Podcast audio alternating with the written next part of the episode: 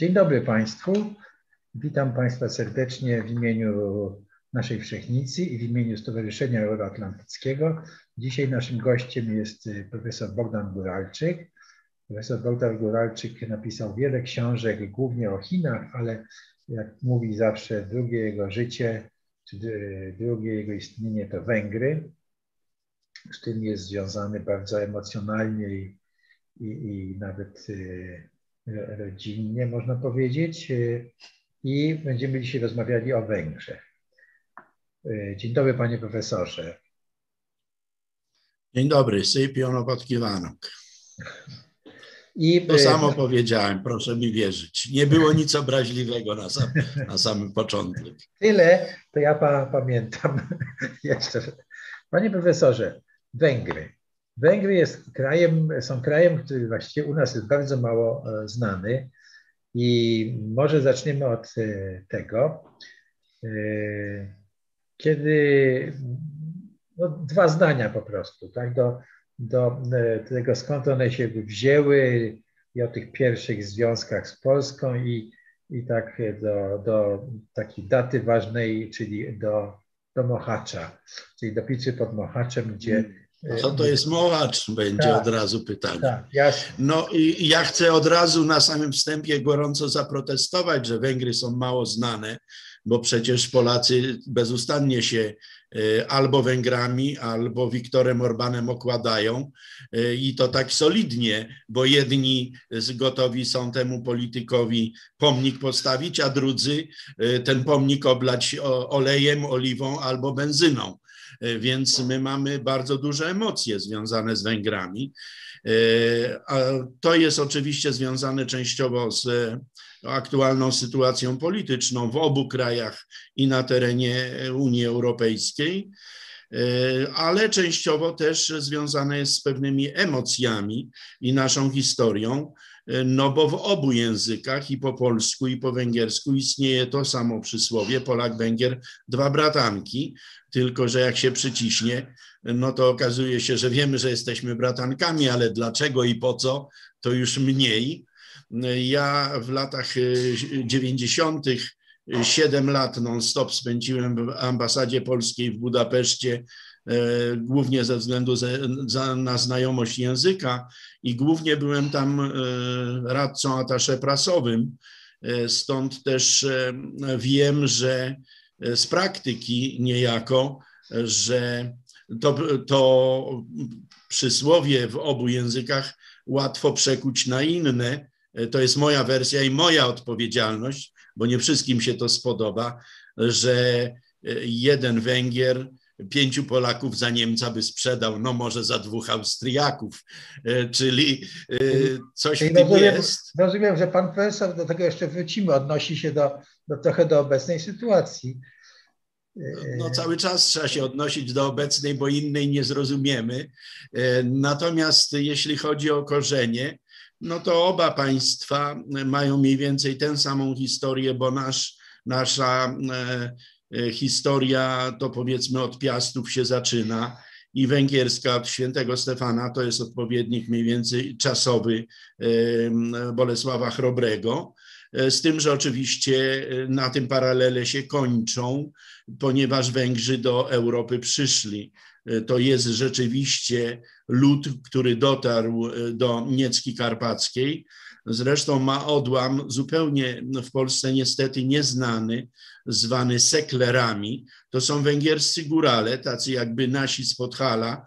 Kiedyś e, podczas II wojny światowej mieliśmy taki fenomen o nazwie polskie uchodźstwo na Węgrzech fascynujący temat, dobrze zbadany i w języku polskim, i w węgierskim, bo Polacy po klęsce wrześniowej przez Węgry uciekali na zachód, a niektórzy na tych Węgrzech nawet zostali. No i z tego, z tego uchodźstwa y, był taki Adam Bachdaj, który słynne ballady seklerskie tłumaczył nie inaczej jak naszą góralszczyzną. I to był bardzo, moim zdaniem, sensowny pomysł. I ci seklerzy, to oni 900 kilometrów od Budapesztu mieszkają, tylko 250 od Bukaresztu. Chciałem zapytać Adama Bachtaja, to chodzi o tego autora książek dla młodzieży, które... Dla dzieci. Tak, taki w mojej młodości. No, o tego, a o tego, tylko dzisiaj już go nikt nie pamięta, chyba że jest literatura jego dziecięca wznawiana. E, czyli e, i ci seklerzy, oni mają swoją wersję, że e, Madziarzy to przyszli najpierw tam, gdzieś na południowe Karpaty, a wcale nie tu, gdzie jest Nizina Panońska. Czyli nawet wewnątrz Węgrów, w ich szczepie językowo-rodzinnym są różne interpretacje, skąd oni się wywodzą.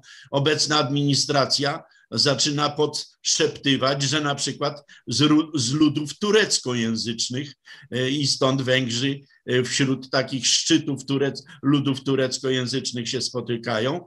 Natomiast e, badania takie stricte historyczne wskazują, że to są okolice powiedzmy dzisiejszego Kazachstanu, Azji Środkowej, E, i stamtąd oni poszli, te ludy ugrofińskie, jeszcze krewniakami Węgrów w sensie pochodzenia, bo językowo się nie rozumieją, są Estończycy i Finowie, ale to są jednak inne języki, bo próbowałem z, ze znajomością węgierskiego dogadać się ze Stończykiem czy Finem, tego się zrobić nie da, natomiast dogadaliśmy się, że gramatyki tych języków są podobne. No i ten język węgierski jest tak wyizolowany w Europie Środkowej, że oni mają syndrom od samego początku wyizolowania, samotności, odrębności, ale też poczucia wyższości, że my, Węgrzy, to coś znaczymy, a ci inni wokół nas, no to znaczą raz więcej, raz mniej, ale lepiej, żeby byli nam podporządkowani. Mają więc natychmiast syndrom wyższości, że kulturowo wysoko i niższości, że politycznie kraj jest y, czy bywa mały. A to y, ciekawe, zaraz jeszcze o to zapytam, ale rozumiem, że y, te związki z Polską były też takie przelotne, bo w polityce Jagiellonów y, było tak, że mm, nie będziemy do tego rozwijać, ale że po prostu jeden z ja, nie były przelotne nasze związki, były tak, zawsze dosyć silne.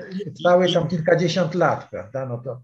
Ale mamy dwa takie jakby filary Jeden e, jest kara wawelska, e, jakby nie było, e, Jagiełło ożenił się z królową, która z Węgier pochodziła. No i to taki sojusz. Drugi, niejaki Warneńczyk, Węgrów bronił i gdzieś na terenie dzisiejszej Bułgarii pod Warną zginął. I trzeci, bodaj najciekawszy przypadek, Pan zahaczył tu o Mohacz, czyli wielką klęskę Węgrów w 1526 roku, e, kiedy Węgry zostały podbite i rozpoczęło się coś, 200 prawie 50 lat, jarzma tureckiego e, w 1541 roku, czyli paręnaście lat później, po tej klęsce pod Mohaczem, Buda, bo jeszcze nie było Budapesztu. Budapeszt istnieje od 1873 roku dopiero jako pojęcie. Wcześniej była Budapeszt i O Buda, stara Buda jeszcze, i one się połączyły w jedno miasto. I Budę zajęli Turcy, i to było miasto garnizonowe.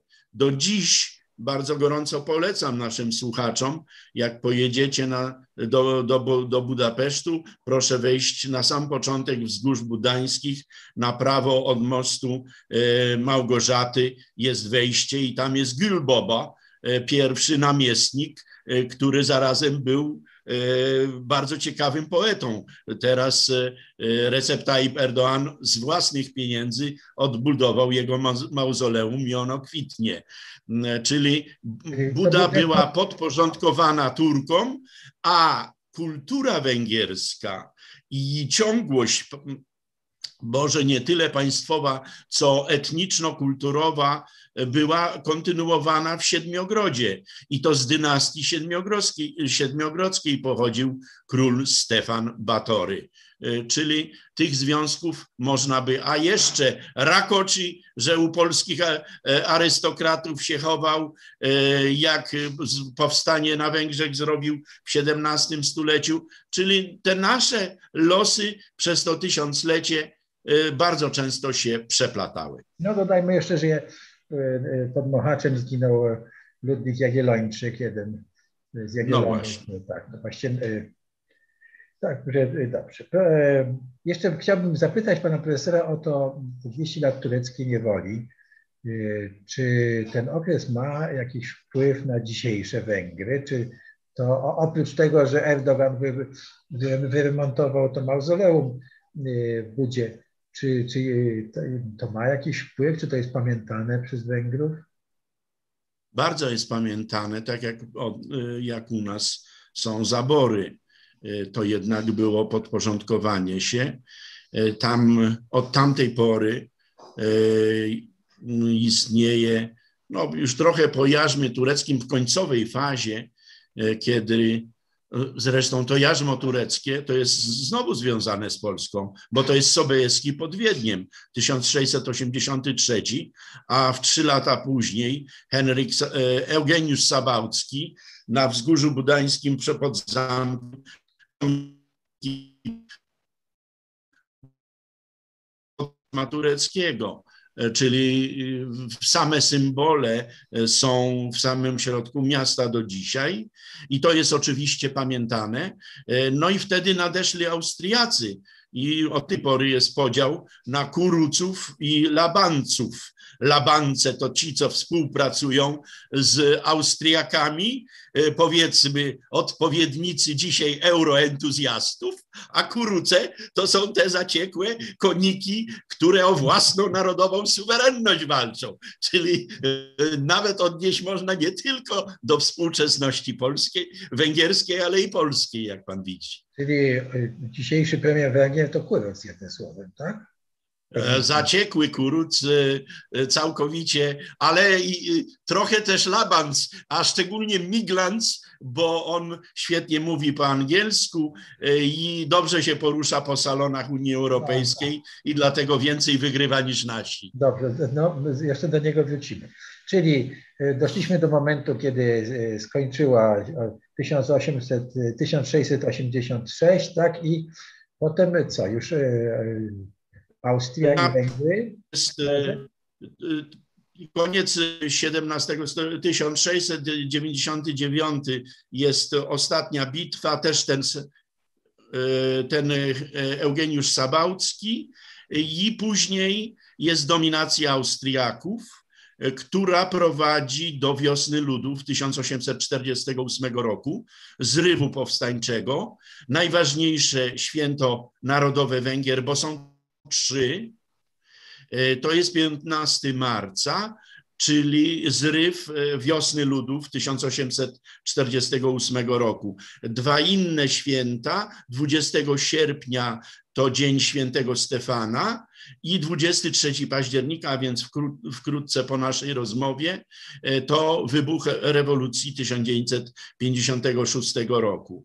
I 1848 rok e, to już jest początek mojej książki o Trianon, e, bo to jest jakby początek narodzin współczesnego, nowoczesnego narodu węgierskiego, który ponosi klęskę, jak wiemy, od Austriaków Znowu losy polsko-węgierskie się przekładają, bo przecież jest opół e, BEM, czyli ojczulek BEM e, po stronie budańskiej do dzisiaj w kluczowym miejscu przed gmachem tamtejszego MSZ stoi pomnik generała Bema, który walczył o wolność naszą i waszą. No i poniósł klęskę gdzieś na terenie Siedmiogrodu, a jego adiutantem był największy poeta XIX wieku, a może w ogóle całych dziejów węgierskich, e, Szandor Petyfi, zresztą Słowak z pochodzenia, Aleksander Petrowicz, tak naprawdę można by powiedzieć.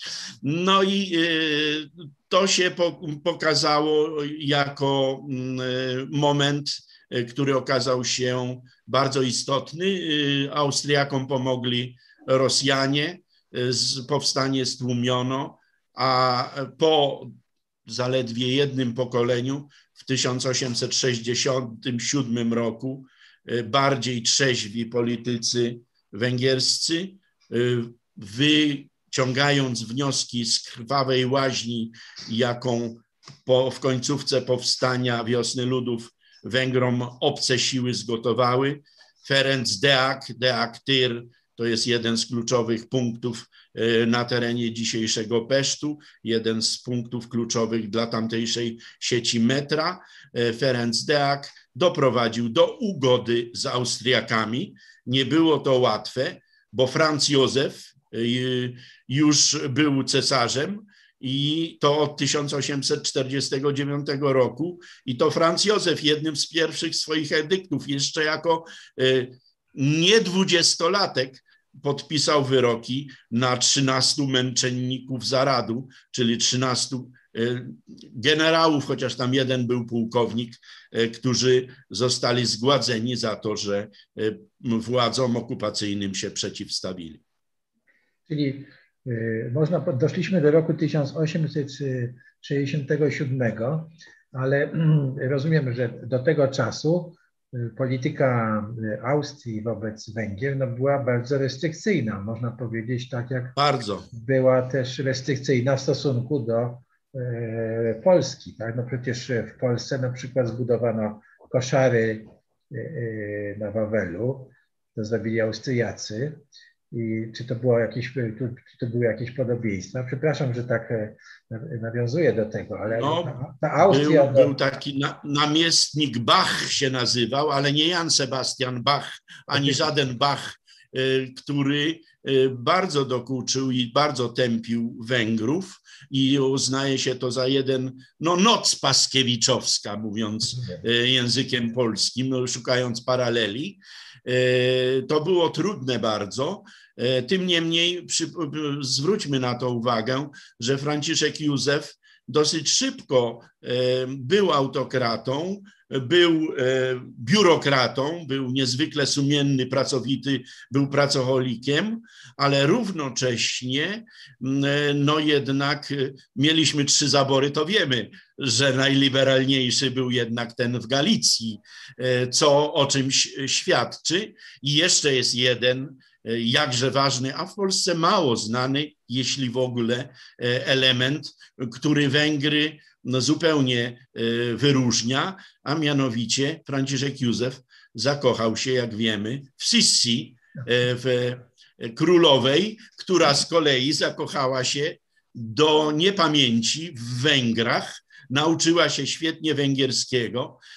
Wyliczam tam w książce, ile dni po ślubie spędziła na Węgrzech, e, w Gödöllő pod Budapesztem. Polecam ten zamek, bo jest e, odrestaurowany po tym, jak wojska sowieckie zrobiły sobie tam koszary, a potem była stajnia PGR-u. E, w pobliżu mam własny dom niedaleko na Węgrzech, więc znam to z autopsji bardzo dobrze. I do tego Gödöllő, gdzie Sisi, małżonka Franciszka Józefa, spędzała dużo dni i to ona w dużej mierze jest jednym, nie jedynym oczywiście czynnikiem, który doprowadził do tej, jakże potem okazało się, cennej ugody austro-węgierskiej, do tego dualizmu. Jeszcze jakbyśmy mogli troszeczkę powiedzieć, no bo to jest i postać filmowa, cesarzowa Sisi jest i postacią filmową. Jakie były jej dzieje, znaczy jakie były jej losy? bo ona była też taką osobą, wydaje się, normalną, skromną, a w ogóle Franciszek Józef, skąd się wzięło u tego e, człowieka to, że on e, w ogóle się e, zgodził na tą ugodę? Skąd się wzięło to, że ta polityka wobec Austrii, na przykład wobec Polski się zmieniła, jak on został cesarzem? Przecież u nas też jest właśnie dobrze pamiętane, tak? Te, te żarty, że... Bardzo dobrze nawet. Bardzo dobrze nawet, dlatego że był człowiekiem sumiennym, był człowiekiem dotrzymującym słowo, e, był niezwykle rygorystyczny względem siebie, co niestety przełożyło się na niezbyt udane małżeństwo z e, królową Elżbietą, z tą Sisi. E, ona potem z tego dworu, do którego się nie przystosowała, uciekała i w czasie ucieczki zresztą została przez anarchistę włoskiego zgładzona. No, to znaczy zginęła od z rąk zamachowca, co na Węgrzech potraktowano jak śmierć matki Węgier. dosłownie. Jej pogrzeb, co prawda, był w Wiedniu, ale na Węgrzech uroczystości były co najmniej takie, jak po sprowadzeniu prochów Lajosza Kossuta, e, tego bohatera narodowego, e, który prowadził Węgrów w czasie rewolucji wiosny ludów 1848-49. Natomiast e, grały rolę po obydwu stronach i węgierskiej i austriackiej, od, zaczęły odgrywać rolę racjonalia, kalkulacje, interesy. Węgrzy zrozumieli, że sami e, nie mają e, takiej siły i możliwości rozwoju, że trzeba szukać jakiegoś wsparcia. I uznali, że najlepszym rozwiązaniem mimo wszystko będą Habsburgowie, będzie Franciszek Józef. To Deak przy pomocy y, księcia y, Ondrasiego. Ondrasi Aleja to jest główna aleja dzisiaj Budapesztu, to tego właśnie. On najpierw y, był jednym z bohaterów wiosny ludów i jego portret Inefige się to nazywa. Nie można było powiesić człowieka, to powieszono jego portret na szubienicy. Y, był, y, był taki przypadek, a potem bardzo spodobał się, mówi się nawet, że to była e, e, nieskonsumowana miłość między e, królową Elżbietą a księciem Ondraszym. On został ministrem spraw zagranicznych całej monarchii, CK monarchii, którą u nas się przez filmy dowcipne różne kojarzy. Natomiast na Węgrzech traktuje się to całkiem poważnie, dlatego że w wyniku tej ugody wypracowanej przez Ferenca Deaka, hrabiego Ondrasiego i jeszcze taki Józef Ötwesz, najmniej znany, ale intelektualnie najciekawszy, Niemiec z pochodzenia, z e, mieszanej krwi, który jak to Nuworysz ponieważ jeszcze w szkole średniej mówił źle po węgiersku i z obcym akcentem, to potem najpiękniej po węgiersku pisał i najwięcej się dla węgierskiego szkolnictwa, a nawet Akademii Nauk przyczynił. I to, to są trzej bohaterowie, którzy po stronie węgierskiej e, przekonali wspólnie, jak rozumiem, z Sisi, e, Franciszka Józefa, że Austriakom się to też opłaca, a tyle, że Franciszek Józef y, dopiero y, po rozpadzie CK monarchii się to ujawniło, gdy posłowie w parlamencie węgierskim, a parlament węgierski, a to ciekawostka dla, dla Polaków, y, obradował wówczas nie w Budzie, nie w Peszcie, nie w dzisiejszym Budapeszcie, tylko w niejakim Pożoń, czyli w Bratysławie aż do wiosny ludów i jeszcze trochę później no to parlament węgierski pewnie by nie przegłosował, że cesarz Franciszek Józef zastrzegł sobie wszystkie sprawy dotyczące wojska i polityki zagranicznej, że mają przez niego przechodzić. Wszystkie stopnie oficerskie wyższej rangi on osobiście zatwierdzał. No, to nie była równowaga w przyrodzie, ale y, y, poza sprawami zagranicznymi, finansów i obrony, Węgry miały niebywałą autonomię, no i zaczęły rosnąć zaczął rosnąć fenomen, do którego dzisiaj się wraca, Wielkie Węgry, bo był to największy zasięg terytorialny Węgier e, od czasów e, króla świętego Stefana. E, stąd dzisiaj jest pewnego rodzaju nostalgia, przynajmniej w niektórych węgierskich środowiskach, żeby do tamtego wrócić, no bo to kwitło. A kolejna bardzo ważna i istotna e, informacja e, jest taka, że Budapeszt mniej więcej od końca lat 80. XIX stulecia aż do mniej więcej końca pierwszej dekady XXI stulecia był najszybciej rozwijającym się miastem na globie, a potem to, tę, tę supremację, tę palmę pierwszeństwa przejął niejaki Manhattan. I jeżeli ktoś pojedzie do Budapesztu, to ta tkanka tego miasta, główne jego obiekty z tamtego okresu, wszystkie pozostały. Teraz są pieczołowicie restaurowane i dlatego Budapeszt i słusznie ma tylu miłośników, zwolenników i chętnych, żeby tam się udać. Ja dobrze pamiętam, że pierwsze metro na kontynencie e, było. było tak jest, do dziś zachowane, odrestaurowane z Wyreszmarty, Tyr, z samego serca e, Pesztu, a pod tą właśnie aleją Ondrasiego e, takie kto nie jechał, niech ten straci, kto pojedzie do Budapesztu, powinien się przejechać, bo ono jest tak, w takim stanie utrzymane, jak pod koniec, w latach 80. XIX stulecia, jak je oddano do użytku. Tak, jest bardzo płytkie, tuż pod powierzchnią, y, pod trasą y, i ulicą czy aleją.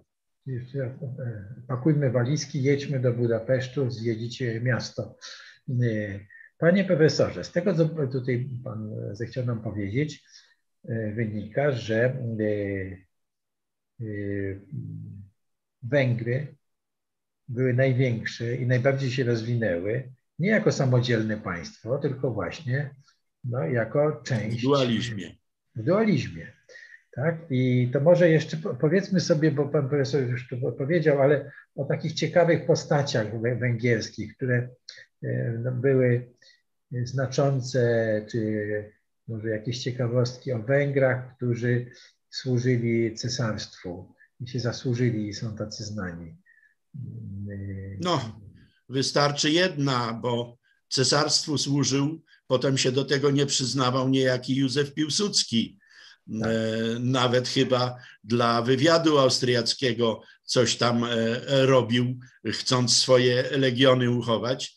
No, a jeśli chodzi o Węgrów, to przez wiele lat adiutantem osobistym, jednym z trzech e, cesarza Franciszka Józefa był Miklosz Horthy e, z bogatej rodziny, drobnej arystokracji, powiedzmy tak, e, węgierskiej, który uciekł z Węgier, zrobił karierę w marynarce wojennej, no i później po I wojnie światowej była sytuacja zabawna, że na czele kraju stanął regent, bo już nie było e, cesarza i monarchy, e, a z kolei był admirałem w państwie, które nie miało dostępu do morza, bo po I wojnie światowej dostęp do Fiume, do Rijeki e, został utracony. Czyli Horthy był taką postacią niewątpliwie, no i myślę, że dwóch premierów o tym samym nazwisku Tiso, e, tak jak rzeka Cisa, jeden ojciec Kelemen e, do niedawna był najdłużej sprawującym urząd, Teraz dopiero go w ostatnim dwóch, trzech latach pobił niejaki Viktor Orban. Jest najdłużej Viktor Orban sprawującym urząd premierem węgierskim, ale poprzedzał go starszy ojciec Tiso, a drugi Isztwan Tiso, czyli Stefan, no, był kluczowym politykiem węgierskim po stronie węgierskiej w okresie dualizmu przed I wojną światową, przed jej wybuchem i TISO była tak zwana e, Rada Regencyjna, e, czyli jakby wspólny rząd e, Austriaków i Węgrów, który rzadko zasiadał. I TISO już po zamachu w Sarajewie na Franciszka Ferdynanda, kiedy już pachniało wojną, był jedynym z tego gremium, który się wybuchowi wojny przeciwstawił. Ale w ciągu trzech tygodni z wielu względów stanowisko zmienił i później był jednym z najbardziej zagorzałych zwolenników kontynuowania wojny, kiedy już e, wydarzenia wojenne sprawiały, że zanosiło się, że wielkie dotychczas Węgry mogą być bardzo mocno poszatkowane, co też historia wkrótce potwierdziła, a sam Isztwan Tiso został przez żołnierzy w do dziś niewyjaśnionych okolicznościach, ale próbuję to opisać w swojej książce o Trianon, został zamordowany w willi, którą wynajmował w, w Peszcie, w Budzie, przepraszam. Wróćmy jeszcze do tych, do tych Węgier po ugodzie, po 1867 roku. No bo Węgry były w tej, w tej, wtedy miały największy zasięg terytorialny. Ale jak to było kulturowo? Czy jakie, jakie były problemy Węgrów na tych terenach, na których, które oni no, objęli, nazwijmy to tak, w ramach tego cesarstwa?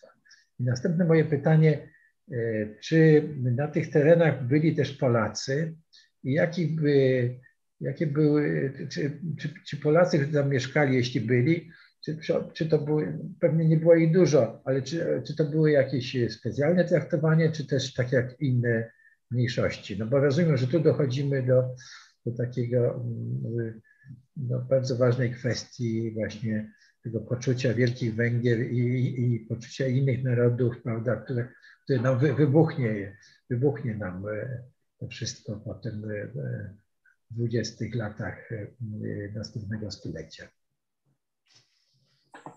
CK monarchii, czyli w okresie dualizmu, e, Węgrzy jako Węgrzy czuli się dobrze, ale Węgrzy Węgrom nierówni.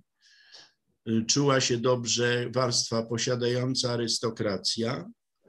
E, praw wyborczych praktycznie lud węgierski nie miał, Węgrzy jako tacy.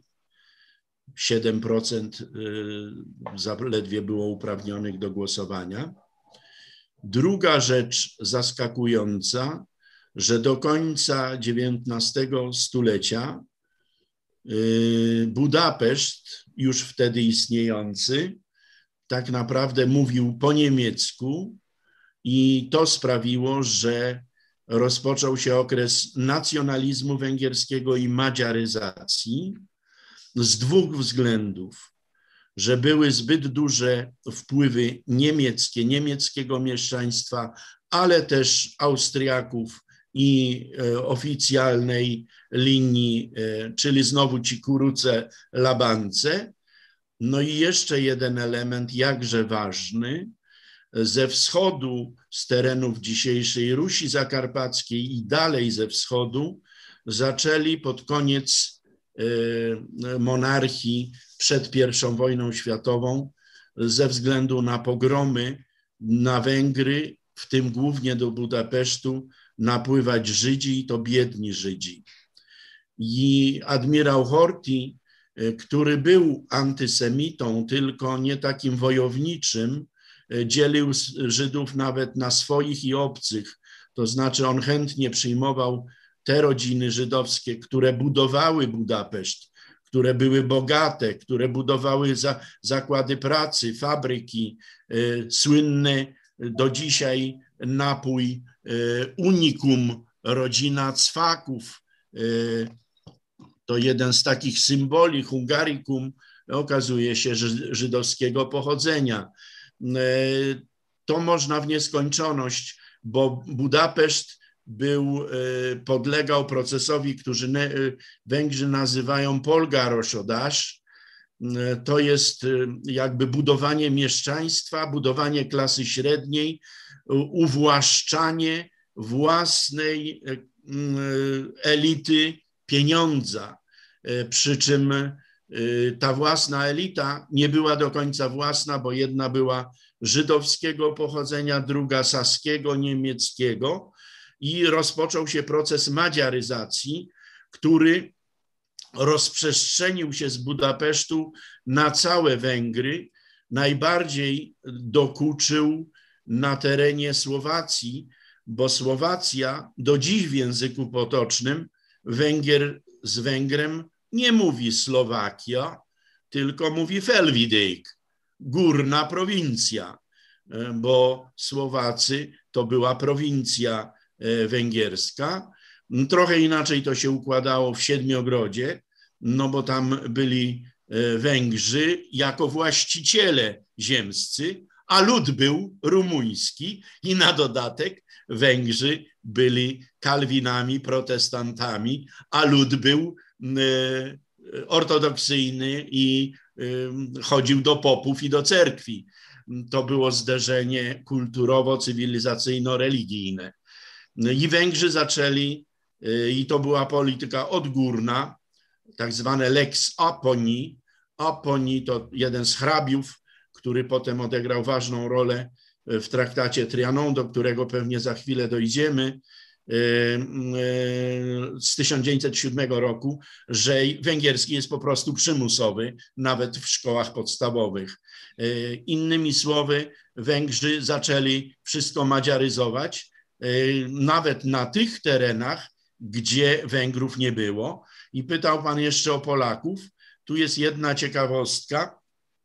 Jest taki zamek, Polacy znają, Czorsztyn i Niedzica ale ta niedzica do końca II wojny światowej nazywała się Nedec i była w rękach e, arystokracji węgierskiej. I teraz, jak w ubiegłym roku, w stulecie Trianon, Viktor Orban oddał e, pomnik mauzoleum podziału węgierskich ziem, gdzie na tablicach, na murach wyryto ponad 13,5 tysiąca nazw wszystkich nazw po węgiersku, które należały nawet małe wioski do Wielkich Węgier, to Nedec się tam znajduje. Więc ciekawe, czy jak będzie próba powrotu do Wielkich Węgier, czy Ospisz, bo było kilkanaście wiosek, Spisz należał e, do Węgier. E, podobno do dzisiaj na tych wioskach są pewne różnice w stosunku do e, obszarów ościennych, ale Niedzica to jest węgierska i jest e, wśród, wśród tych, do których mogą Węgrzy mieć roszczenia. Natomiast e, mniejszość polska, jeśli chodzi o taką, pojawiła się jeszcze przed I wojną światową w dwóch miejscowościach, Totobanio, e, to okręg górniczy, polscy górnicy po prostu za chlebem w ramach monarchii tam poszli i drugi większa i to jest zaczątek polskiej Polonii, która do dzisiaj istnieje, nawet ma jakieś czasopisma i trochę się tam e, uaktywnia od czasu do czasu, to w Kőbánya, Kőbánya to taka przemysłowa dzielnica i jedno z popularnych Y, piw węgierskich, powiedzmy odpowiednik naszej warki, żeby nikogo nie obrażać. Ale jeśli chodzi o Polaków, to oni w tym wieloetnicznym, wieloreligijnym tworze o nazwie Wielkie Węgry żadnej kluczowej, a nawet znaczącej roli nie odgrywali. Chciałbym jeszcze, żeby pan profesor powiedział dwa zdania o czasach tych Wielkich Węgier. Jeszcze podkreślił może ten, no już pan prezydent zrobił, ale czy na przykład były karne represje w stosunku do mniejszości narodowych, jeśli w czasach tych wielkich madziaryzacji. I druga moja uwaga, jak pan prezes o tym mówi, no to od razu mi się e, przenosi moja myśl do zaboru rosyjskiego, prawda, i do, i do rusyfikacji, ale to taka uwaga na, na marginesie, e, e, co dla Polaków nie było miłe pewnie, a ale my byliśmy narodem politycznym, który miał państwa. Rozumiem, że te narody, które żyły w Wielkich Węgrzech, no, no jeszcze polityczne nie, nie były, prawda, w sensie takim, że to mam rację. Problem był taki, że w CK monarchii e, Węgrzy nawet na terytorium, które jemu, bo to była Zalitawia i Przedlitawia, według rzeki Litawy, Jedna była część austriacka, druga węgierska. Nawet w węgierskiej Węgrzy stanowili połowę e, całej ludności, bo byli tam i Rumuni, i Serbowie, i Chorwaci, e, i Słowacy. I jeśli chodzi o Chorwatów czy narody południowo-słowiańskie, to one już ze swoimi roszczeniami niepodległościowymi wystąpiły podczas wiosny ludu w 1848-49 roku. I elity węgierskie to zignorowały, z wyjątkiem Józefa Oetfösza, o którym mówiłem, że y, jeszcze w szkole średniej mówił po niemiecku i z obcym akcentem. On to rozumiał, a, ale przegrał politycznie i bardzo szybko odszedł z tego świata rozgoryczony, co napisał w ostatnim liście zadedykowanym najstarszemu synowi. I węgierskie elity po prostu nie zrozumiały, że końcówka XIX stulecia i początek XX stulecia to są dwa wielkie procesy, które doprowadziły do rozkładu, rozpadu Wielkich Węgier. Węgry kwitły jak nigdy w historii. Budapeszt kwitł y, na skalę, jak mówię, globalną, a równocześnie pojawiły się dwa procesy i zjawiska, które Istvan Tisa i inni węgierscy e, politycy ówczesnego okresu e, nie zrozumieli albo nie chcieli przyjąć do wiadomości, że rodzą się e, tendencje narodowościowe i narody chcą mieć państwowość, czyli państwowo-twórcze, a z drugiej strony pojawiła się masowa klasa robotnicza, Y, która przecież już w 1905 roku wstrząsnęła w posadach Imperium Rosyjskim, a w 1917 roku, jak wiemy, obaliła to imperium i przyniosła, na, przyniosła Sowietów. Y, I y, to spowodowało, że elity węgierskie podczas I wojny światowej do końca stały przy Austriakach, do końca stały przy Niemcach E, władze, czy raczej politycy i elity polityczne rumuńskie już w 1916 roku dokonały zwrotu, bo Rumuni zaczynali jak razem z państwami centralnymi, z Niemcami, ale zmienili front i stanęli po stronie tych, którzy w wyniku wojny okazali się zwycięzcami. Węgrzy tego nie zrobili, natomiast na Węgrzech na dodatek jeszcze jakby mm, tych dwóch procesów było mało, które mogły same w sobie rozsadzić, bo jeden był klasowy, a drugi narodowościowy, mm, to jeszcze mm, Węgrzy opowiedzieli się nie, po niewłaściwej stronie historii.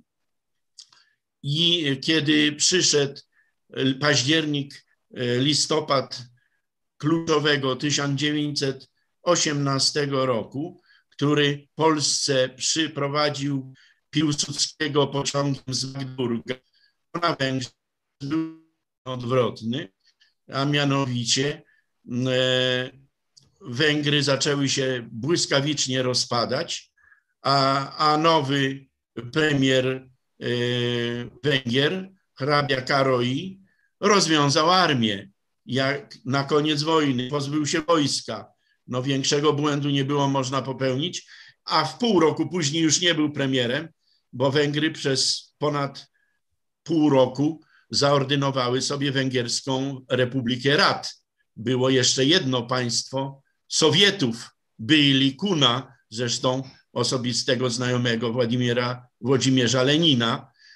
W tym sensie y, te procesy doprowadziły, że Węgry poniosły ogromną klęskę i doprowadziło to do jednego z ostatnich, bo ostatni był z Turcją w ramach procesów y, i y, traktatów wersalskich i 4 y, czerwca 1920 roku w Grand Trianon, jednym z pałaców jakby Wersalu, podpisano traktat pokojowy z Węgrami, który dla Węgier był no, podobny do rozbiorów Polski. Węgry utraciły Siedmiogród.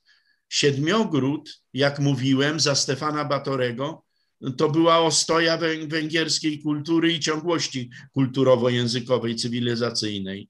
A teraz utraciły cały ten siedmiogród, a siedmiogród to jest 103 tysiące kilometrów kwadratowych. A Węgry, które pozostały pod Trianą i są do dzisiaj w tych granicach, to jest 97 tysięcy kilometrów kwadratowych, czyli tylko na rzecz Rumunii straciły więcej niż dzisiaj mają, a przecież oddały ziemię i Wojwodinę e, Serbom i, i Słowa, e, Słowacji, a nawet Burgenland Austrii.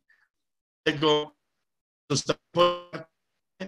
stracić ogromne terytorium i dwie trzecie terytorium i trzy czwarte ludności prawie. Z 18 milionów zostało im 8, o tak można powiedzieć.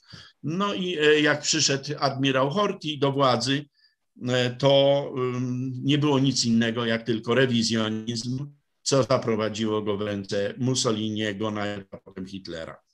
Chciałem pana profesora zapytać, Węgrzy w I wojnie światowej, czy dużo ofiar ponieśli? Bo pamiętamy przecież, że ta wojna była y, no, taka, że... Nie słyszę pana.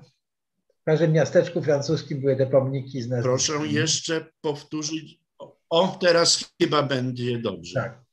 Chodzi mi o, Proszę jeszcze powtórzyć, o, o, bo nie słyszałem ostatniego pytania. O Węgry w I wojnie światowej, czy, czy Węgrzy ponieśli dużo strat? Bo to była przecież wojna, w której Francuzi i, i Anglicy ponieśli bardzo dużo strat i to było pamiętane przecież e, przez, przez lata. Jak to, jeśli tak, to jak to wpłynęło na, na, na Węgry? I ja mam w oczach też takie groby na polskim Podkarpaciu z tego okresu, to no, chciałem zapytać, czy oczywiście w część z tych grobów to mogli być żołnierze węgierscy w I wojnie światowej.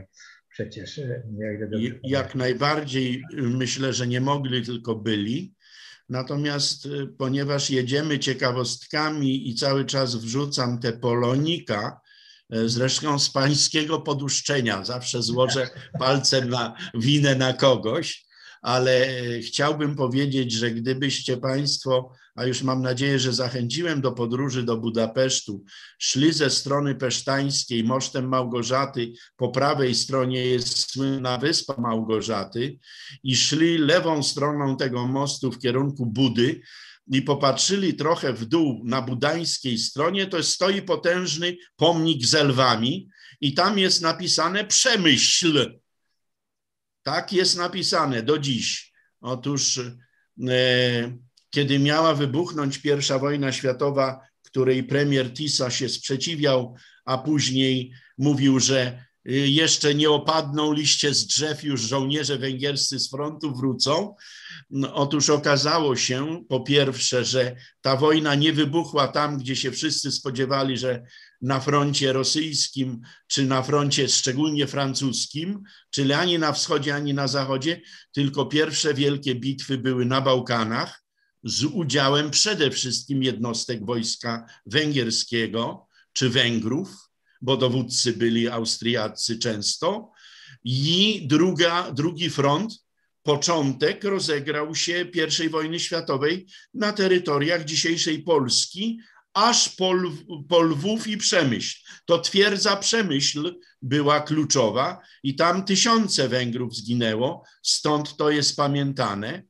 E, ci Węgrzy ponieśli największe straty jako żołnierze e, w początkowej fazie wojny, natomiast to spowodowało, że e, już w 1916 roku w, na Węgrzech łącznie z Budapesztem, wprowadzono system kartkowy na żywność i na inne towary, na przykład obuwie, odzież, tekstylia i tak dalej, czyli przyszła e, nędza, bieda, a nawet głód, a później pod koniec wojny doszło jeszcze jedno zjawisko, że zaczęli wracać żołnierze z frontu wschodniego, e, całkowicie sfrustrowani, i to oni zasilili e, Republikę Rad Bejlikuna. Oni byli zradykalizowani, nie mieli nic do stracenia, mówiąc brutalnie, poza własnym życiem. Czyli Węgry e, już w czasie wojny poniosły straszliwe straty i w ludziach, i materialne, i to spowodowało zupełnie niebywały, zupełnie niebywały rok 1800, 1919, który sprawił nawet, to też kolejna ciekawostka, że od sierpnia do listopada następnego roku Nie wiem, czy my się słyszymy. Czy tak, pan od sierpnia, do listopada, od sierpnia do listopada następnego roku. Ale 1900, jak Béla Kun uciekł tak. pociągiem na, do Wiednia i potem do Związku Radzieckiego, to na teren Budapesztu weszły wojska rumuńskie i Rumuni okupowali Budapeszt. Proszę sobie to wyobrazić. I do dzisiaj wązek w Budapeszcie jest całkiem spora, też gorąco polecam do, do odwiedzenia, parcela rumuńska, bardzo zresztą dobrze utrzymana. Czyli y, tych y, różnych elementów było bardzo wiele. Można sobie wyobrazić, jak się czuli Węgrzy i tamtejsze elity, kiedy byli okupowani przez wojska rumuńskie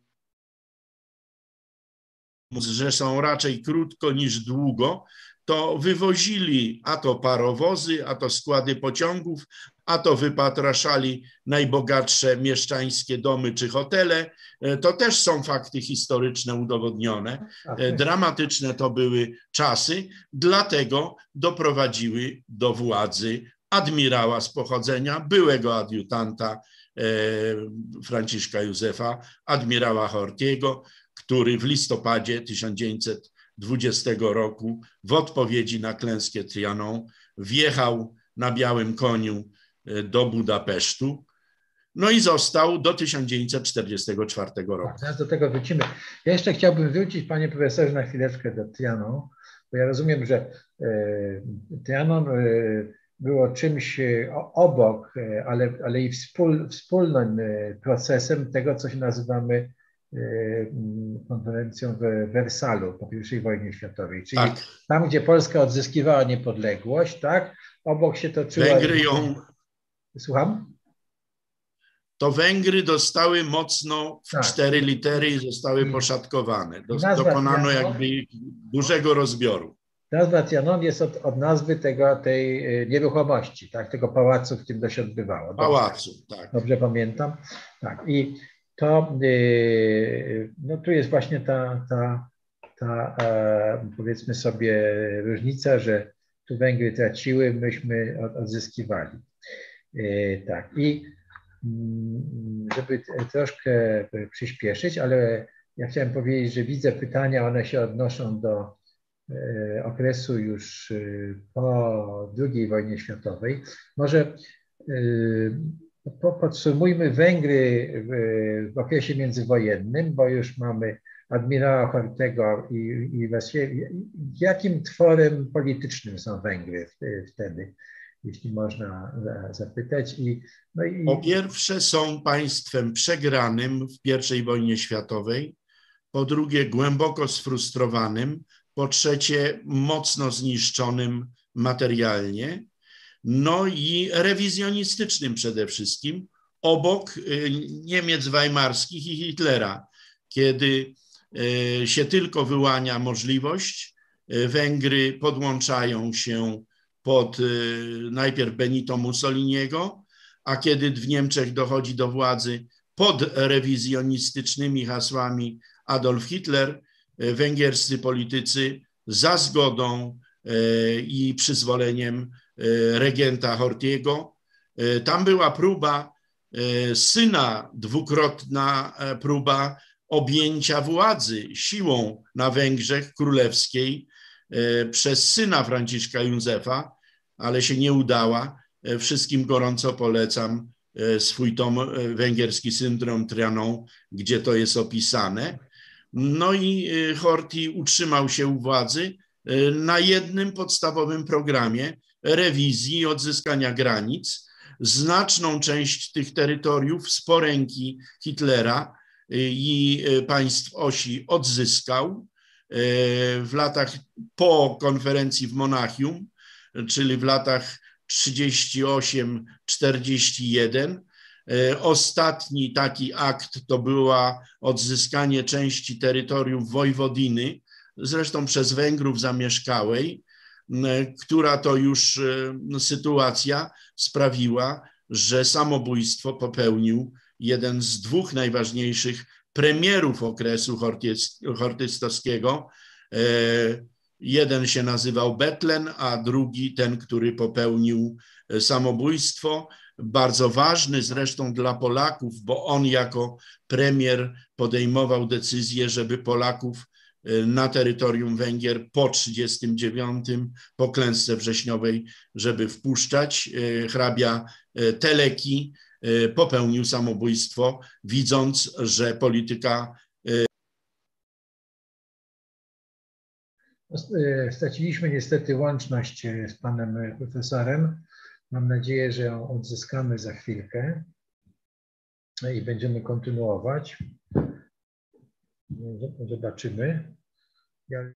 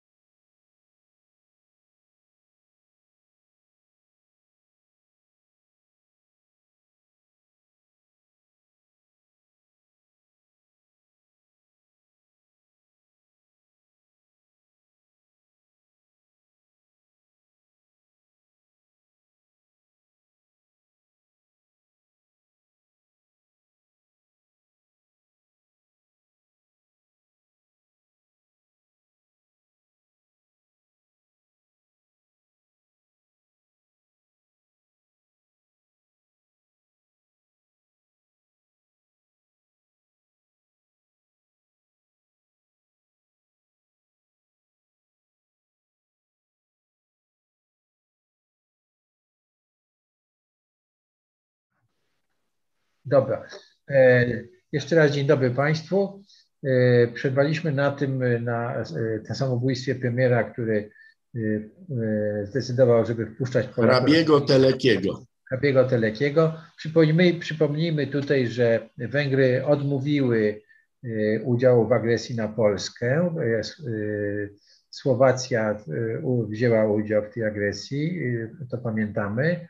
Tak? I pamiętamy jeszcze to, że Rumunia, która była wtedy no, aliantem Polski, na przykład internowała polski rząd na skutek nacisków francuskich i, i w ogóle chyba też internowała żołnierzy, część żołnierzy polskich, natomiast Węgrzy tego nie zrobili. Pozwalali Polakom przejeżdżać przez Węgry i wyjeżdżać przez, nie wiem, Włochy różnymi szlakami do armii Sikorskiego we Francji. Ale wróćmy do naszych Węgier i do II wojny światowej, tak żebyśmy zdążyli. Aha, ja jeszcze bym poprosił naszego realizatora, czy może wrzucić nam pomnik, zdjęcie pomnika Strianą z okładki książki pana profesora.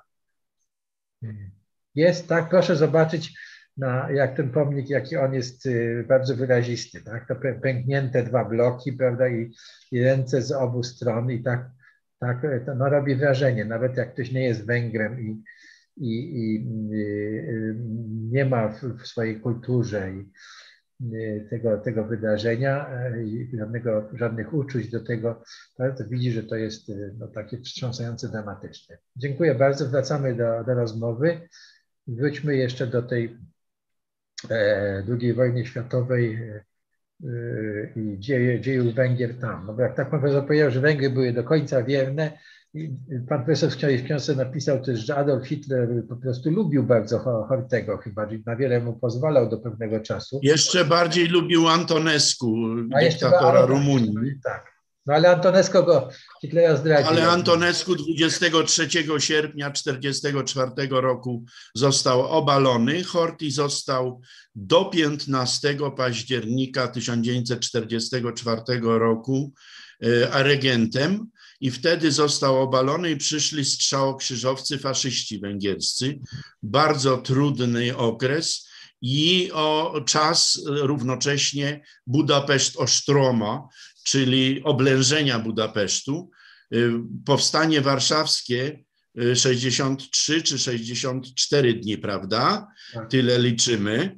Natomiast y, oblężenie Budapesztu trwało 119 dni, aż i na dodatek dlatego Horti przeżył, bo Horti był do końca regentem, został obalony, kiedy próbował porozumieć się z Sowietami. W zasadzie przez swoich emisariuszy dogadał się, ale jego wojskowi, którzy byli Niemcami y, z pochodzenia, storpedowali to, co on wynegocjował. W efekcie do władzy doszli y, y, strzałokrzyżowcy, a w dniu 15 października 1944 roku można by o tym dniu całą sztukę szekspirowską napisać, bo o poranku porwano jedynego syna Hortiego, e, że specjalne komando niemieckie, e, które przyjechało w tym celu do Budapesztu, bo drugi starszy syn, który miał być niejako następcą regenta, e, zginął na froncie wschodnim, też być może przez zaaranżowanym zamachu na niego. I Horthy poddał się, podpisał e, krótki świstek, oddając w ręce władzę tym strzałokrzyżowcom, ale wcześniej w lecie 1944 roku zdobył się na niebywały akt heroizmu. Docierały do niego via episkopat, via Watykan i via również jego najcenniejszy premier e, Betlen, który znajdował się wtedy w ukryciu, nie był już czynnym politykiem, informacje o Auschwitz i o obozach śmierci.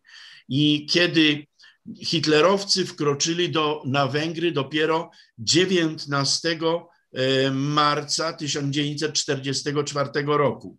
Czyli ta okupacja niemiecka była krótka, niespełna roczna, ale E, rozpoczęli natychmiast prawie, bo od pierwszych dni maja systematyczny e, wywóz e, węgierskich Żydów do Auschwitz. Zaczęli systematycznie, jak to Niemcy, od Rusi Zakarpackiej i od Siedmiogrodu. I ze względu na ramy czasowe nie zdążyli dojść do dużych miast, szczególnie Budapesztu.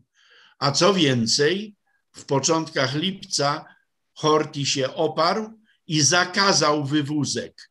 I to prawdopodobnie, a raczej na pewno sprawiło, że on e, w Norymberdze pojawił się tylko jako świadek, a nie oskarżony. I dożył swych dni w Portugalii, zmarł w 1957 roku. Niewątpliwie przyspieszyła jego śmierć burzliwe wydarzenia jesieni 1956 roku, bo on wierzył, że Węgry staną się znowu wolne i że on będzie mógł na Węgry wrócić.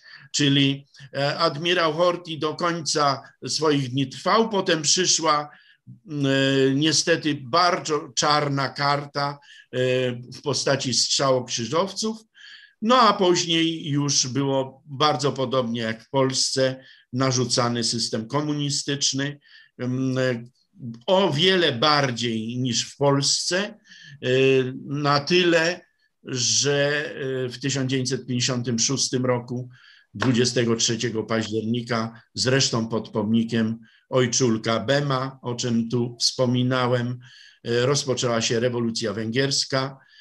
Z 4 listopada krwawo stramiona przyszedł na czołgach sowieckich nowy satrapa Janosz Kadar i rządził do 1988 roku a e, w 1989 Węgry oprócz Polski były jedynym państwem, które doprowadziły do obrad e, okrągłego stołu. Nie było rewolucji, była wynegocjowana rewolucja, która doprowadziła do zmiany systemu.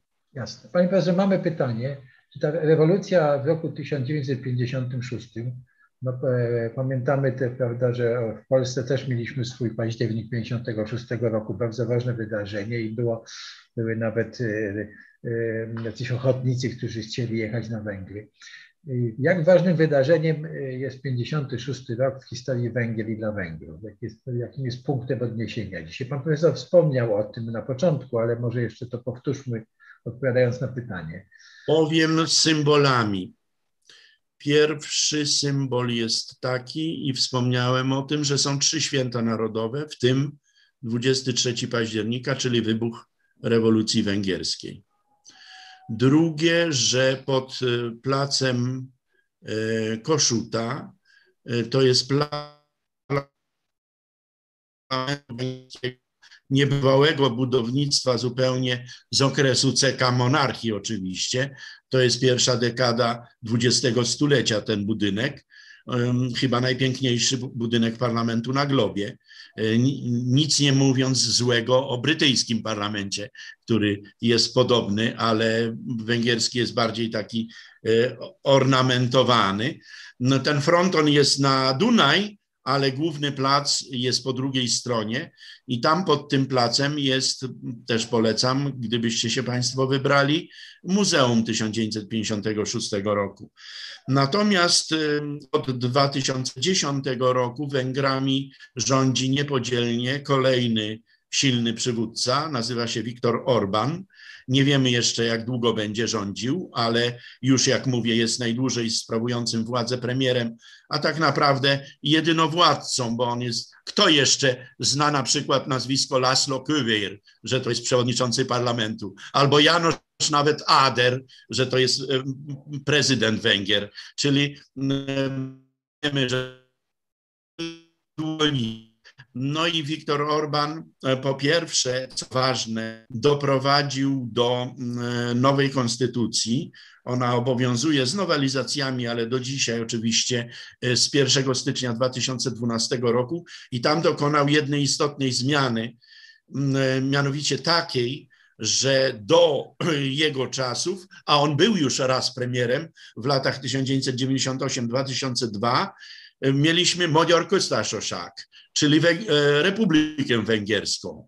A potem jak u Disneya, magiczna e, różdżka i zamiast e, Republiki Węgierskiej mamy Magyarország, czyli Węgry, bo Węgry są wszędzie tam, gdzie mieszkają Węgrzy, a granice Węgier, które są narysowane na mapach, nie pokrywają się z tym, gdzie mieszkają Węgrzy. Czyli mamy znowu rewizjonizm jak w okresie Hortiego, a jeśli chodzi o 56 rok, bo o to było pytanie, to na rogu placu Koszuta, w prawym jego górnym rogu, stał pomnik Imre Nodia, y, premiera Węgier podczas rewolucji, który y, połączył się z powstańcami i w ślad za to, w dwa lata po rewolucji, został no, zgładzony, powieszony.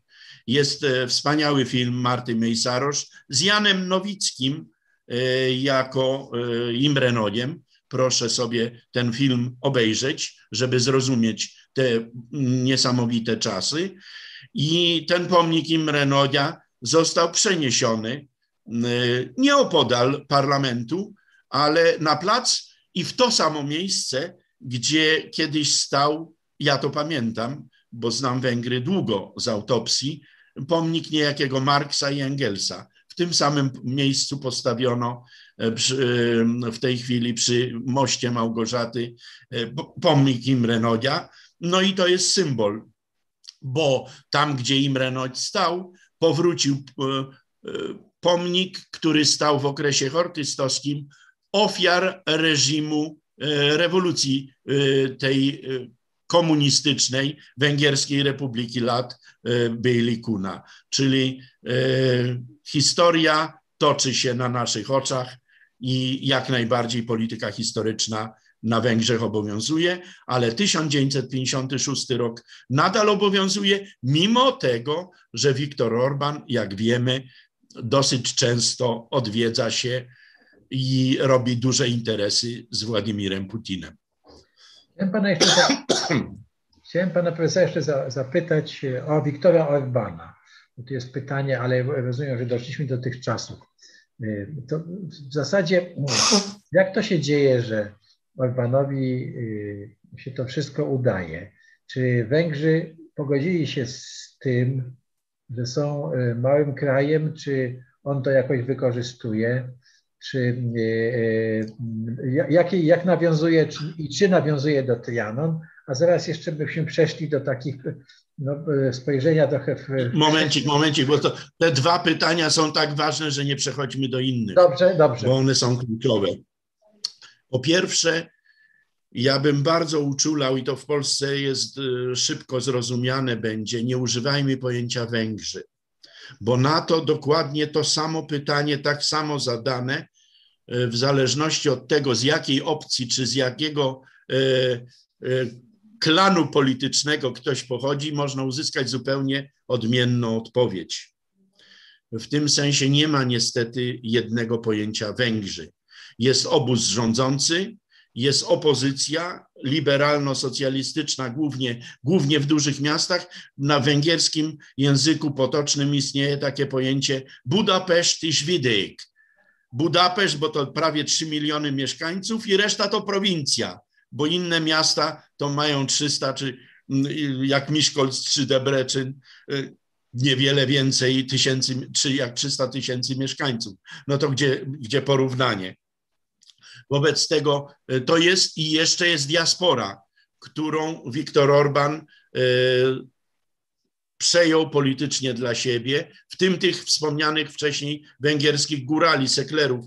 95% z nich głosuje na Viktora Orbana i jego partię Fidesz, dlatego że Viktor Orban daje im do zrozumienia, że zagwarantuje im wcześniej czy później jakąś autonomię. Poza tym stara się tam pieniądze w jakiś sposób kierować. I to jest jedna rzecz niezmiernie istotna, że dla części diaspory i rządzącej Trianon jest kluczowy, czego najlepszym dowodem oddanie w stulecie Trianon na wejściu na plac Koszuta, na ten fronton parlamentu. Tam zresztą zawieszone są już prawie 10 lat dwie flagi. Jedna węgierska, ale druga nie jest to Unia Europejska i wielu y, turystów jest skonfudowanych co to za jakaś niebieska, ale nie unijna nie z gwiazdkami flaga? Otóż jest to flaga seklerów właśnie. I ona wisi na parlamencie węgierskim, a przed frontonem zbudowano ten pomnik mauzoleum, o którym wcześniej mówiłem, mówiąc o Niedzicy i Nedec, że tam są wszystkie. No jeśli taki pomnik mauzoleum nie jest symbolem rewizjonizmu, to co nim jest. Natomiast liberalne kręgi i obóz dla mnie, a połowę minionych wakacji też spędziłem na Węgrzech, bo tak się moje losy ułożyły, że tak mogę robić. E, tylko miałem przerwę ze względu na e, pandemię, że prawie przez rok nie jeździłem, co się wcześniej nie zdarzało.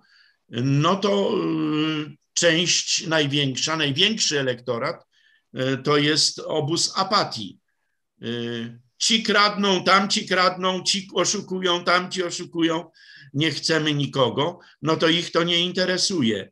Ale ogólnie rzecz biorąc, w oficjalnej, obecnej narracji, w głównym nurcie węgierskich mediów, które są rządowe i nawet w, podręcznikach, bo system oświaty też jest głęboko podporządkowany i szkolnictwa obecnemu obozowi politycznemu, narracja o Wielkich Węgrzech i narracja o klęsce Trianon jest absolutnie obowiązująca. E, jak rozumiem, seklerzy, o których e, pan profesor tu wspomina, nie mieszkają na Węgrzech dzisiejszych, tylko mieszkają w Rumunii, tak? Dobrze? E, no, oni mieszkają w enklawie około miliona ludzi. Jak wspomniałem, w prostej linii to jest 950 kilometrów od Budapesztu, a jakieś 250 od Bukaresztu. No, tak to wygląda. Czyli nie przy granicy z dzisiejszymi Węgrami, tylko w enklawie daleko, daleko Heń za, e, w południowych Karpatach. I to jest fenomen niesamowity. Oni przepiękną e, węgierszczyzną mówią z lekką taką prowincjonalną naleciałością i tę węgierszczyznę szalenie pielęgnują. I nawet Czałszewsku ich nie wytępił. Rozumiem. Czyli to są obywatele Rumunii. I rozumiem, że Jak najbardziej. To są, mają prawa wyborcze. E, e, milion Bo Viktor Orban, jak doszedł do władzy już tej niepodzielnej, czyli wiosną 2010 roku, to zrobił na pierwszym posiedzeniu parlamentu dwa akty. Pierwszy, e, dzień 4 czerwca rocznicę Trianon. Proszę zwrócić uwagę, 4 czerwca. U nas też jest święto 4 czerwca. Nie przez wszystkich, jak wiemy, Polaków fetowane. E, zrobił e, świętem narodowym. E, nazywa się to Święto Narodowego Pojednania i nadał obywatelom innych państw, Węgrom w diasporze, bierne, a nawet czynne prawa wyborcze. Oni mogą głosować pod warunkiem, bo Słowacy się na to nie godzili i nie godzą, więc y, nie można tego w otwarty sposób robić. Nie można na raz głosować w dwóch państwach, chociaż różne są regulacje prawne. Polska, Polonia, czy gdzieś też y, może głosować, w zależności od tego, jak, jakie ma paszporty oczywiście. Panie profesorze, jeśli jeszcze można, wróćmy jeszcze do y, Y, Orbana, do premiera Orbana. Jeszcze powiedzmy właściwie do, do czego on zmierza, czyli do czego zmierzają Węgry pod jego rządami. Viktor Orban, wie pan, sam pan wspomniał, że przepraszam, założę słuchawki, bo tutaj będzie u mnie szum lekki.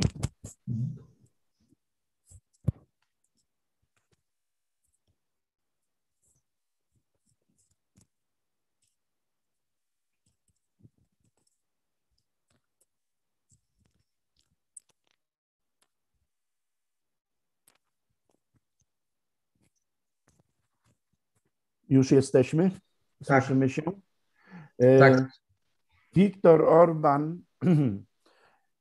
wie, sam pan wspominał, że całe życie zajmuje się Chinami, dlatego płynnie mówię po węgiersku i zajmuje się też, ale to z serca Węgrami.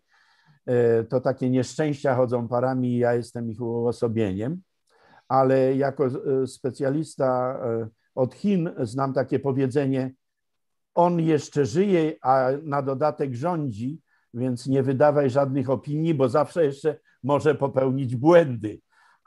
W tym sensie to nie jest karta zamknięta.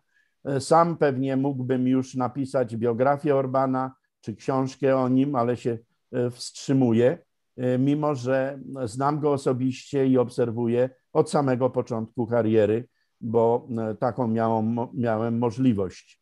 I wiem z, tej, z tego mojego o, punktu obserwacyjnego, że jest to polityk sprawny, efektywny, skuteczny, czyli dobry.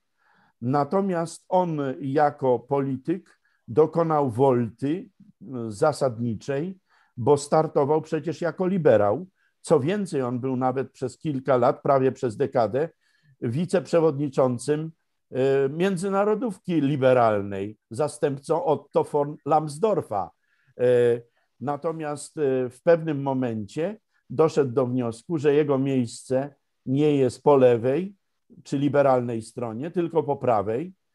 To miejsce zajął. W tej chwili jest już przekonanym prawicowcem i co więcej, kiedy ja go poznałem, to on był przez dwie kadencje w węgierskim parlamencie przewodniczącym Komisji Integracji Europejskiej, stąd tak dobrze, sprawnie mówi po angielsku.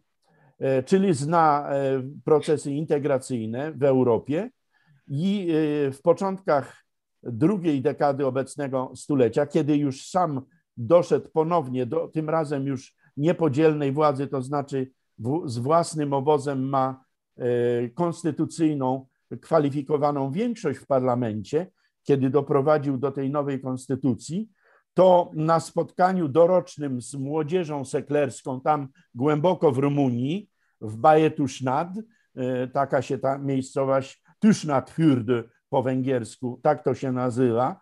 E, na jednym z takich spotkań otwarcie powiedział, że doszedł do wniosku, że instytucje europejskie, czytaj Komisja Europejska, Parlament Europejski, nie są w stanie wyprowadzić Europy z obecnego kryzysu, czy nakładających się na siebie kryzysów.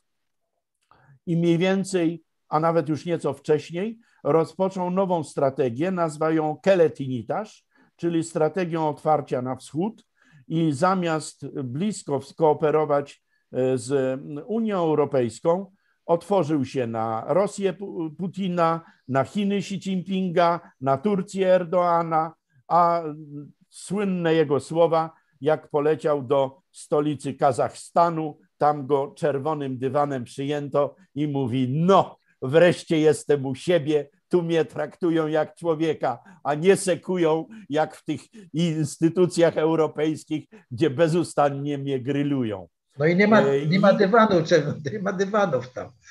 Każdy no właśnie, jeszcze dywanów nie ma. E, I tę politykę prowadzi do dzisiaj z lepszymi lub gorszymi skutkami, no, a równocześnie podważa integrację europejską. Węgry oprócz Polski są krajem, które mają wszczęte procedury z artykułu 7 punkt 1 e, o nieprzestrzeganie zasad praworządności. To jest sprawa poważna i Viktor Orban był tym politykiem, e, jedynym premierem państw unijnych, e, który po pierwsze pierwszy przywitał Donalda Trumpa jako prezydenta Stanów Zjednoczonych, no i dopiero za prezydentury Trumpa dostąpił zaszczytu e, pojechania i spotkania się z prezydentem Stanów Zjednoczonych po raz pierwszy od 2001 roku, bo wcześniej nie miał żadnych szans, żeby się z prezydentem amerykańskim spotkać. Teraz też nie ma, i tu ciekawostka dopiero, bo pan mnie bezustannie o Polonika pytał, a tutaj powiem Hungarika, niesamowicie ciekawe. Mianowicie szefem obecnej e, dyplomacji amerykańskiej jest Antony Blinken. E, nie wiemy w Polsce, a to powinno być wiadome, że po pierwsze jego ojczymem e, jest polski Żyd z Białego Stoku, natomiast jego matką i macochą były Węgierki. I on wychował się Blinken w Paryżu, mówi e, nie gorzej po francusku, a jestem to w stanie i słyszałem go, jestem to w stanie ocenić niż po angielsku, bo się wychował, chodził do szkół w Paryżu. Nie wiem, jak dobrze mówi po węgiersku, ale e, o, o Wiktorze Orbanie i Węgrzech z tego powodu wie bardzo dużo. Tym bardziej, że jego ojciec e, w, był pierwszym ambasadorem amerykańskim, z tą już drugą żoną, też Węgierką, która brylowała na salonach, a ja w tym czasie służyłem jako wysokiej rangą dyplomata w Budapeszcie w początkach lat 90. Czyli e, ojciec obecnego szefa dyplomacji amerykańskiej był pierwszym ambasadorem amerykańskim w demokratycznych już Węgrzech. Orban ma kłopot, no i musi dalej Keletinitasz, czyli otwarcie na wschód prowadzić, bo przecież stamtąd Węgrzy się wywodzą, gdzieś, jak mówiłem, z okolic Kazachstanu. E, żarty żartami. E, sprawa natomiast jest bardzo poważna, bo jeszcze jedną rzecz powiem, e, która może mieć konsekwencje, mianowicie takie, że Viktor Orban jest nie tylko skuteczny do tego stopnia, że we wsi, w której się wychował, ona się Felczut nazywa, pobudował stadion piłkarski, a nawet Akademię Piłkarską imienia Ferenca Puszkasza, tak jak Stadion Narodowy u nas e, trenera Górskiego, tak e, to on na prowincji węgierskiej to wybudował. I jak w opozycyjnych mediach przeczytałem, że od jego domu, w którym się wychował, do wejścia do tego krytego stadionu jest 56 kroków, mówię, no nie, opozycja przesadziła. Pojechałem, sprawdziłem, wyszło mi 57 e, kroków własnych, więc jest. No I to jest jedno, a drugie, e, węgierski parlament, e, kiedy byłem tam dyplomatą w latach 90., był nie tylko parlamentem, ale siedzibą w południowym skrzydle prezydenta, w północnym premiera. Najpierw prezydent przeniósł się do dawnej siedziby zresztą premierów Szandor, Palota, Pałac Aleksandra e, na Wzgórzach Budańskich, a ostatnio Viktor Orban do, obok tego dawnego, dawnej siedziby premierów przeniósł się do klasztoru dawnego e, i w tym klasztorze urządził swoją siedzibę. I ja mówię, że to Towarzystwo Klasztorne teraz zakłada związki, które mówią, tylko jaką alternatywę dla Unii Europejskiej przygotować, bo tam był e, Salvini, przedstawiciele polscy, jakby jeszcze doszła Marine Le Pen, to kto wie, co z tego będzie.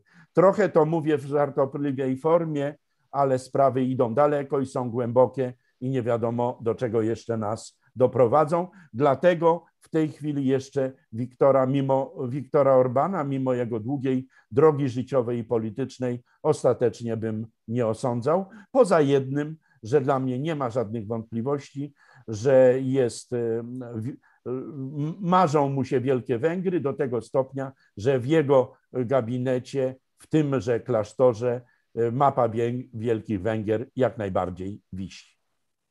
Panie profesorze, to już ostatnie pytanie i ono troszkę wykroczy poza Węgry. No to y, jak y, y, patrzymy na ten region, zawsze była mowa o tym, że Bałkany, Bałkany to są takie miejsca, gdzie produkuje się więcej historii niż Bałkany mogą skonsumować. To oczywiście nie, nie, mój, nie, nie moje powiedzenie, tylko ono tam powstało kiedyś, już nie pamiętam, kto je wymyślił. Tak samo i jak patrzymy na region dawnych Wielkich Węgier, no to też jest, są całe i, i tutaj jak z tego, co pan profesor mówi, można odnieść wrażenie, że Węgry przez tą swoją rewizjonistyczną politykę, no, jak gdyby nie, nie, nie dążą jednak do tego, żeby ten łagodzić te spory, a wręcz przeciwnie. No to jaka jest y, przyszłość y, tego regionu, jaka jest przyszłość y, NATO? Przecież wszystkie te kraje są w NATO a mogą być skłócone w każdej chwili, a, a, Węgry jeszcze wędrują nam gdzie indziej. No i jaka jest przyszłość y, y, Unii Europejskiej w tym y, kontekście? Ja rozumiem, to pytanie wykracza troszkę, ale znam, że wiem, że pan profesor napisał książkę, wiele książek także o takich strategicznych, o świat narodów zagubionych i innych, gdzie mm, pan mm, no, zajmuje się tymi sprawami. Więc jakbym mógł prosić o komentarz i to będzie już ostatnia rzecz w naszym spotkaniu. Ja z lubością cytuję fizyka Nielsa Bora, noblistę zresztą, że przewidywanie przyszłości jest niebezpieczne, szczególnie jeśli dotyczy jutra, czyli y, y, to jest bardzo niebezpieczne zadanie. Y, jedno tylko mogę Pana i Państwa zapewnić, że nasza historia jest arcyciekawa, czy to węgierska, czy regionalna, I taka będzie. Czekają nas czasy ciekawe, a nawet turbulentne. Zapraszam się do Pana i Państwa na rozmowę o Chinach czy obszarze tamtejszym Azji Wschodniej, dlatego że na naszych oczach w ostatniej półtorej dekady świat coraz bardziej przenosi się z Atlantyku na Pacyfik. Orban to zrozumiał i się podłącza pod tamte, tamten obszar. Nie wiem, czy na tym etapie jest to polityka skuteczna, czy jego ten, nie nazwałem go do końca, trójkąt, czy współpraca karmelicka, bo ten klasztor to jest klasztor karmelitów na wzgórzach budańskich, czy to wypali, czy nie wypali. Ale ja wiem, że jesteśmy na dużym zakręcie w kontekście również tego, co się w Polsce dzieje, kiedy mamy demonstracje uliczne, kiedy mamy tak burzliwą debatę o prawodawstwie. Yy, jesteśmy na jakimś dużym wirażu.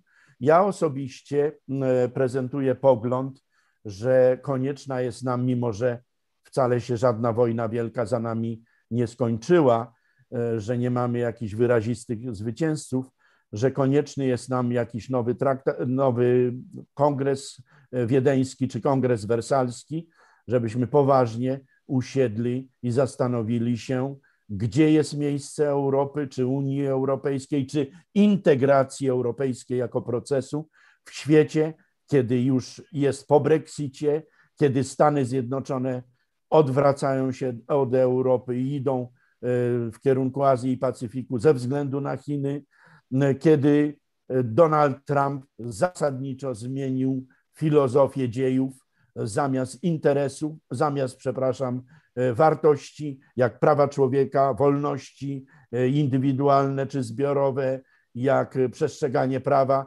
zaczął mówić o twardych interesach, te dwustronne deale. To jest inny świat i musimy znaleźć swoje miejsce w tym świecie. On jest inny niż był w 1989, inny jeszcze w, w poprzednich czasach, ale trzeba się do niego dostosować i wydaje się, że Viktor Orban dostosowuje się e, w sposób bardzo kontrowersyjny dla przynajmniej niektórych Polaków, bo podkreślam to raz jeszcze, nie ma dzisiaj niestety ze względu na tę trybalną, międzyplemienną e, walkę E, na scenie wewnętrznej jednej kategorii Polaka czy Węgra. Są różni Polacy, różni Węgrzy i różne poglądy na przyszłość mają. Bardzo dziękuję, panie profesorze. Tak jak e, pan profesor wspomniał, e, mm, będziemy rozmawiać o Chinach i, i, i o Chinach, o Chinach jako graczu na międzynarodowej scenie i o Chinach jako państwie i cywilizacji. Dzisiaj rozmawialiśmy o Węgrzech. Bardzo dziękuję za e, pytania, jakie były i zapraszam w takim razie do oglądania nas, no i do polubienia. E, a e, przypomnę tylko, że nasza rozmowa była pod auspicjami Wszechnicy prowadzonej przez Fundację Wspomagania Wsi i pod auspicjami też Stowarzyszenia Euroatlantyckiego. Bardzo dziękuję i do zobaczenia. Dziękuję panie profesorze. Bardzo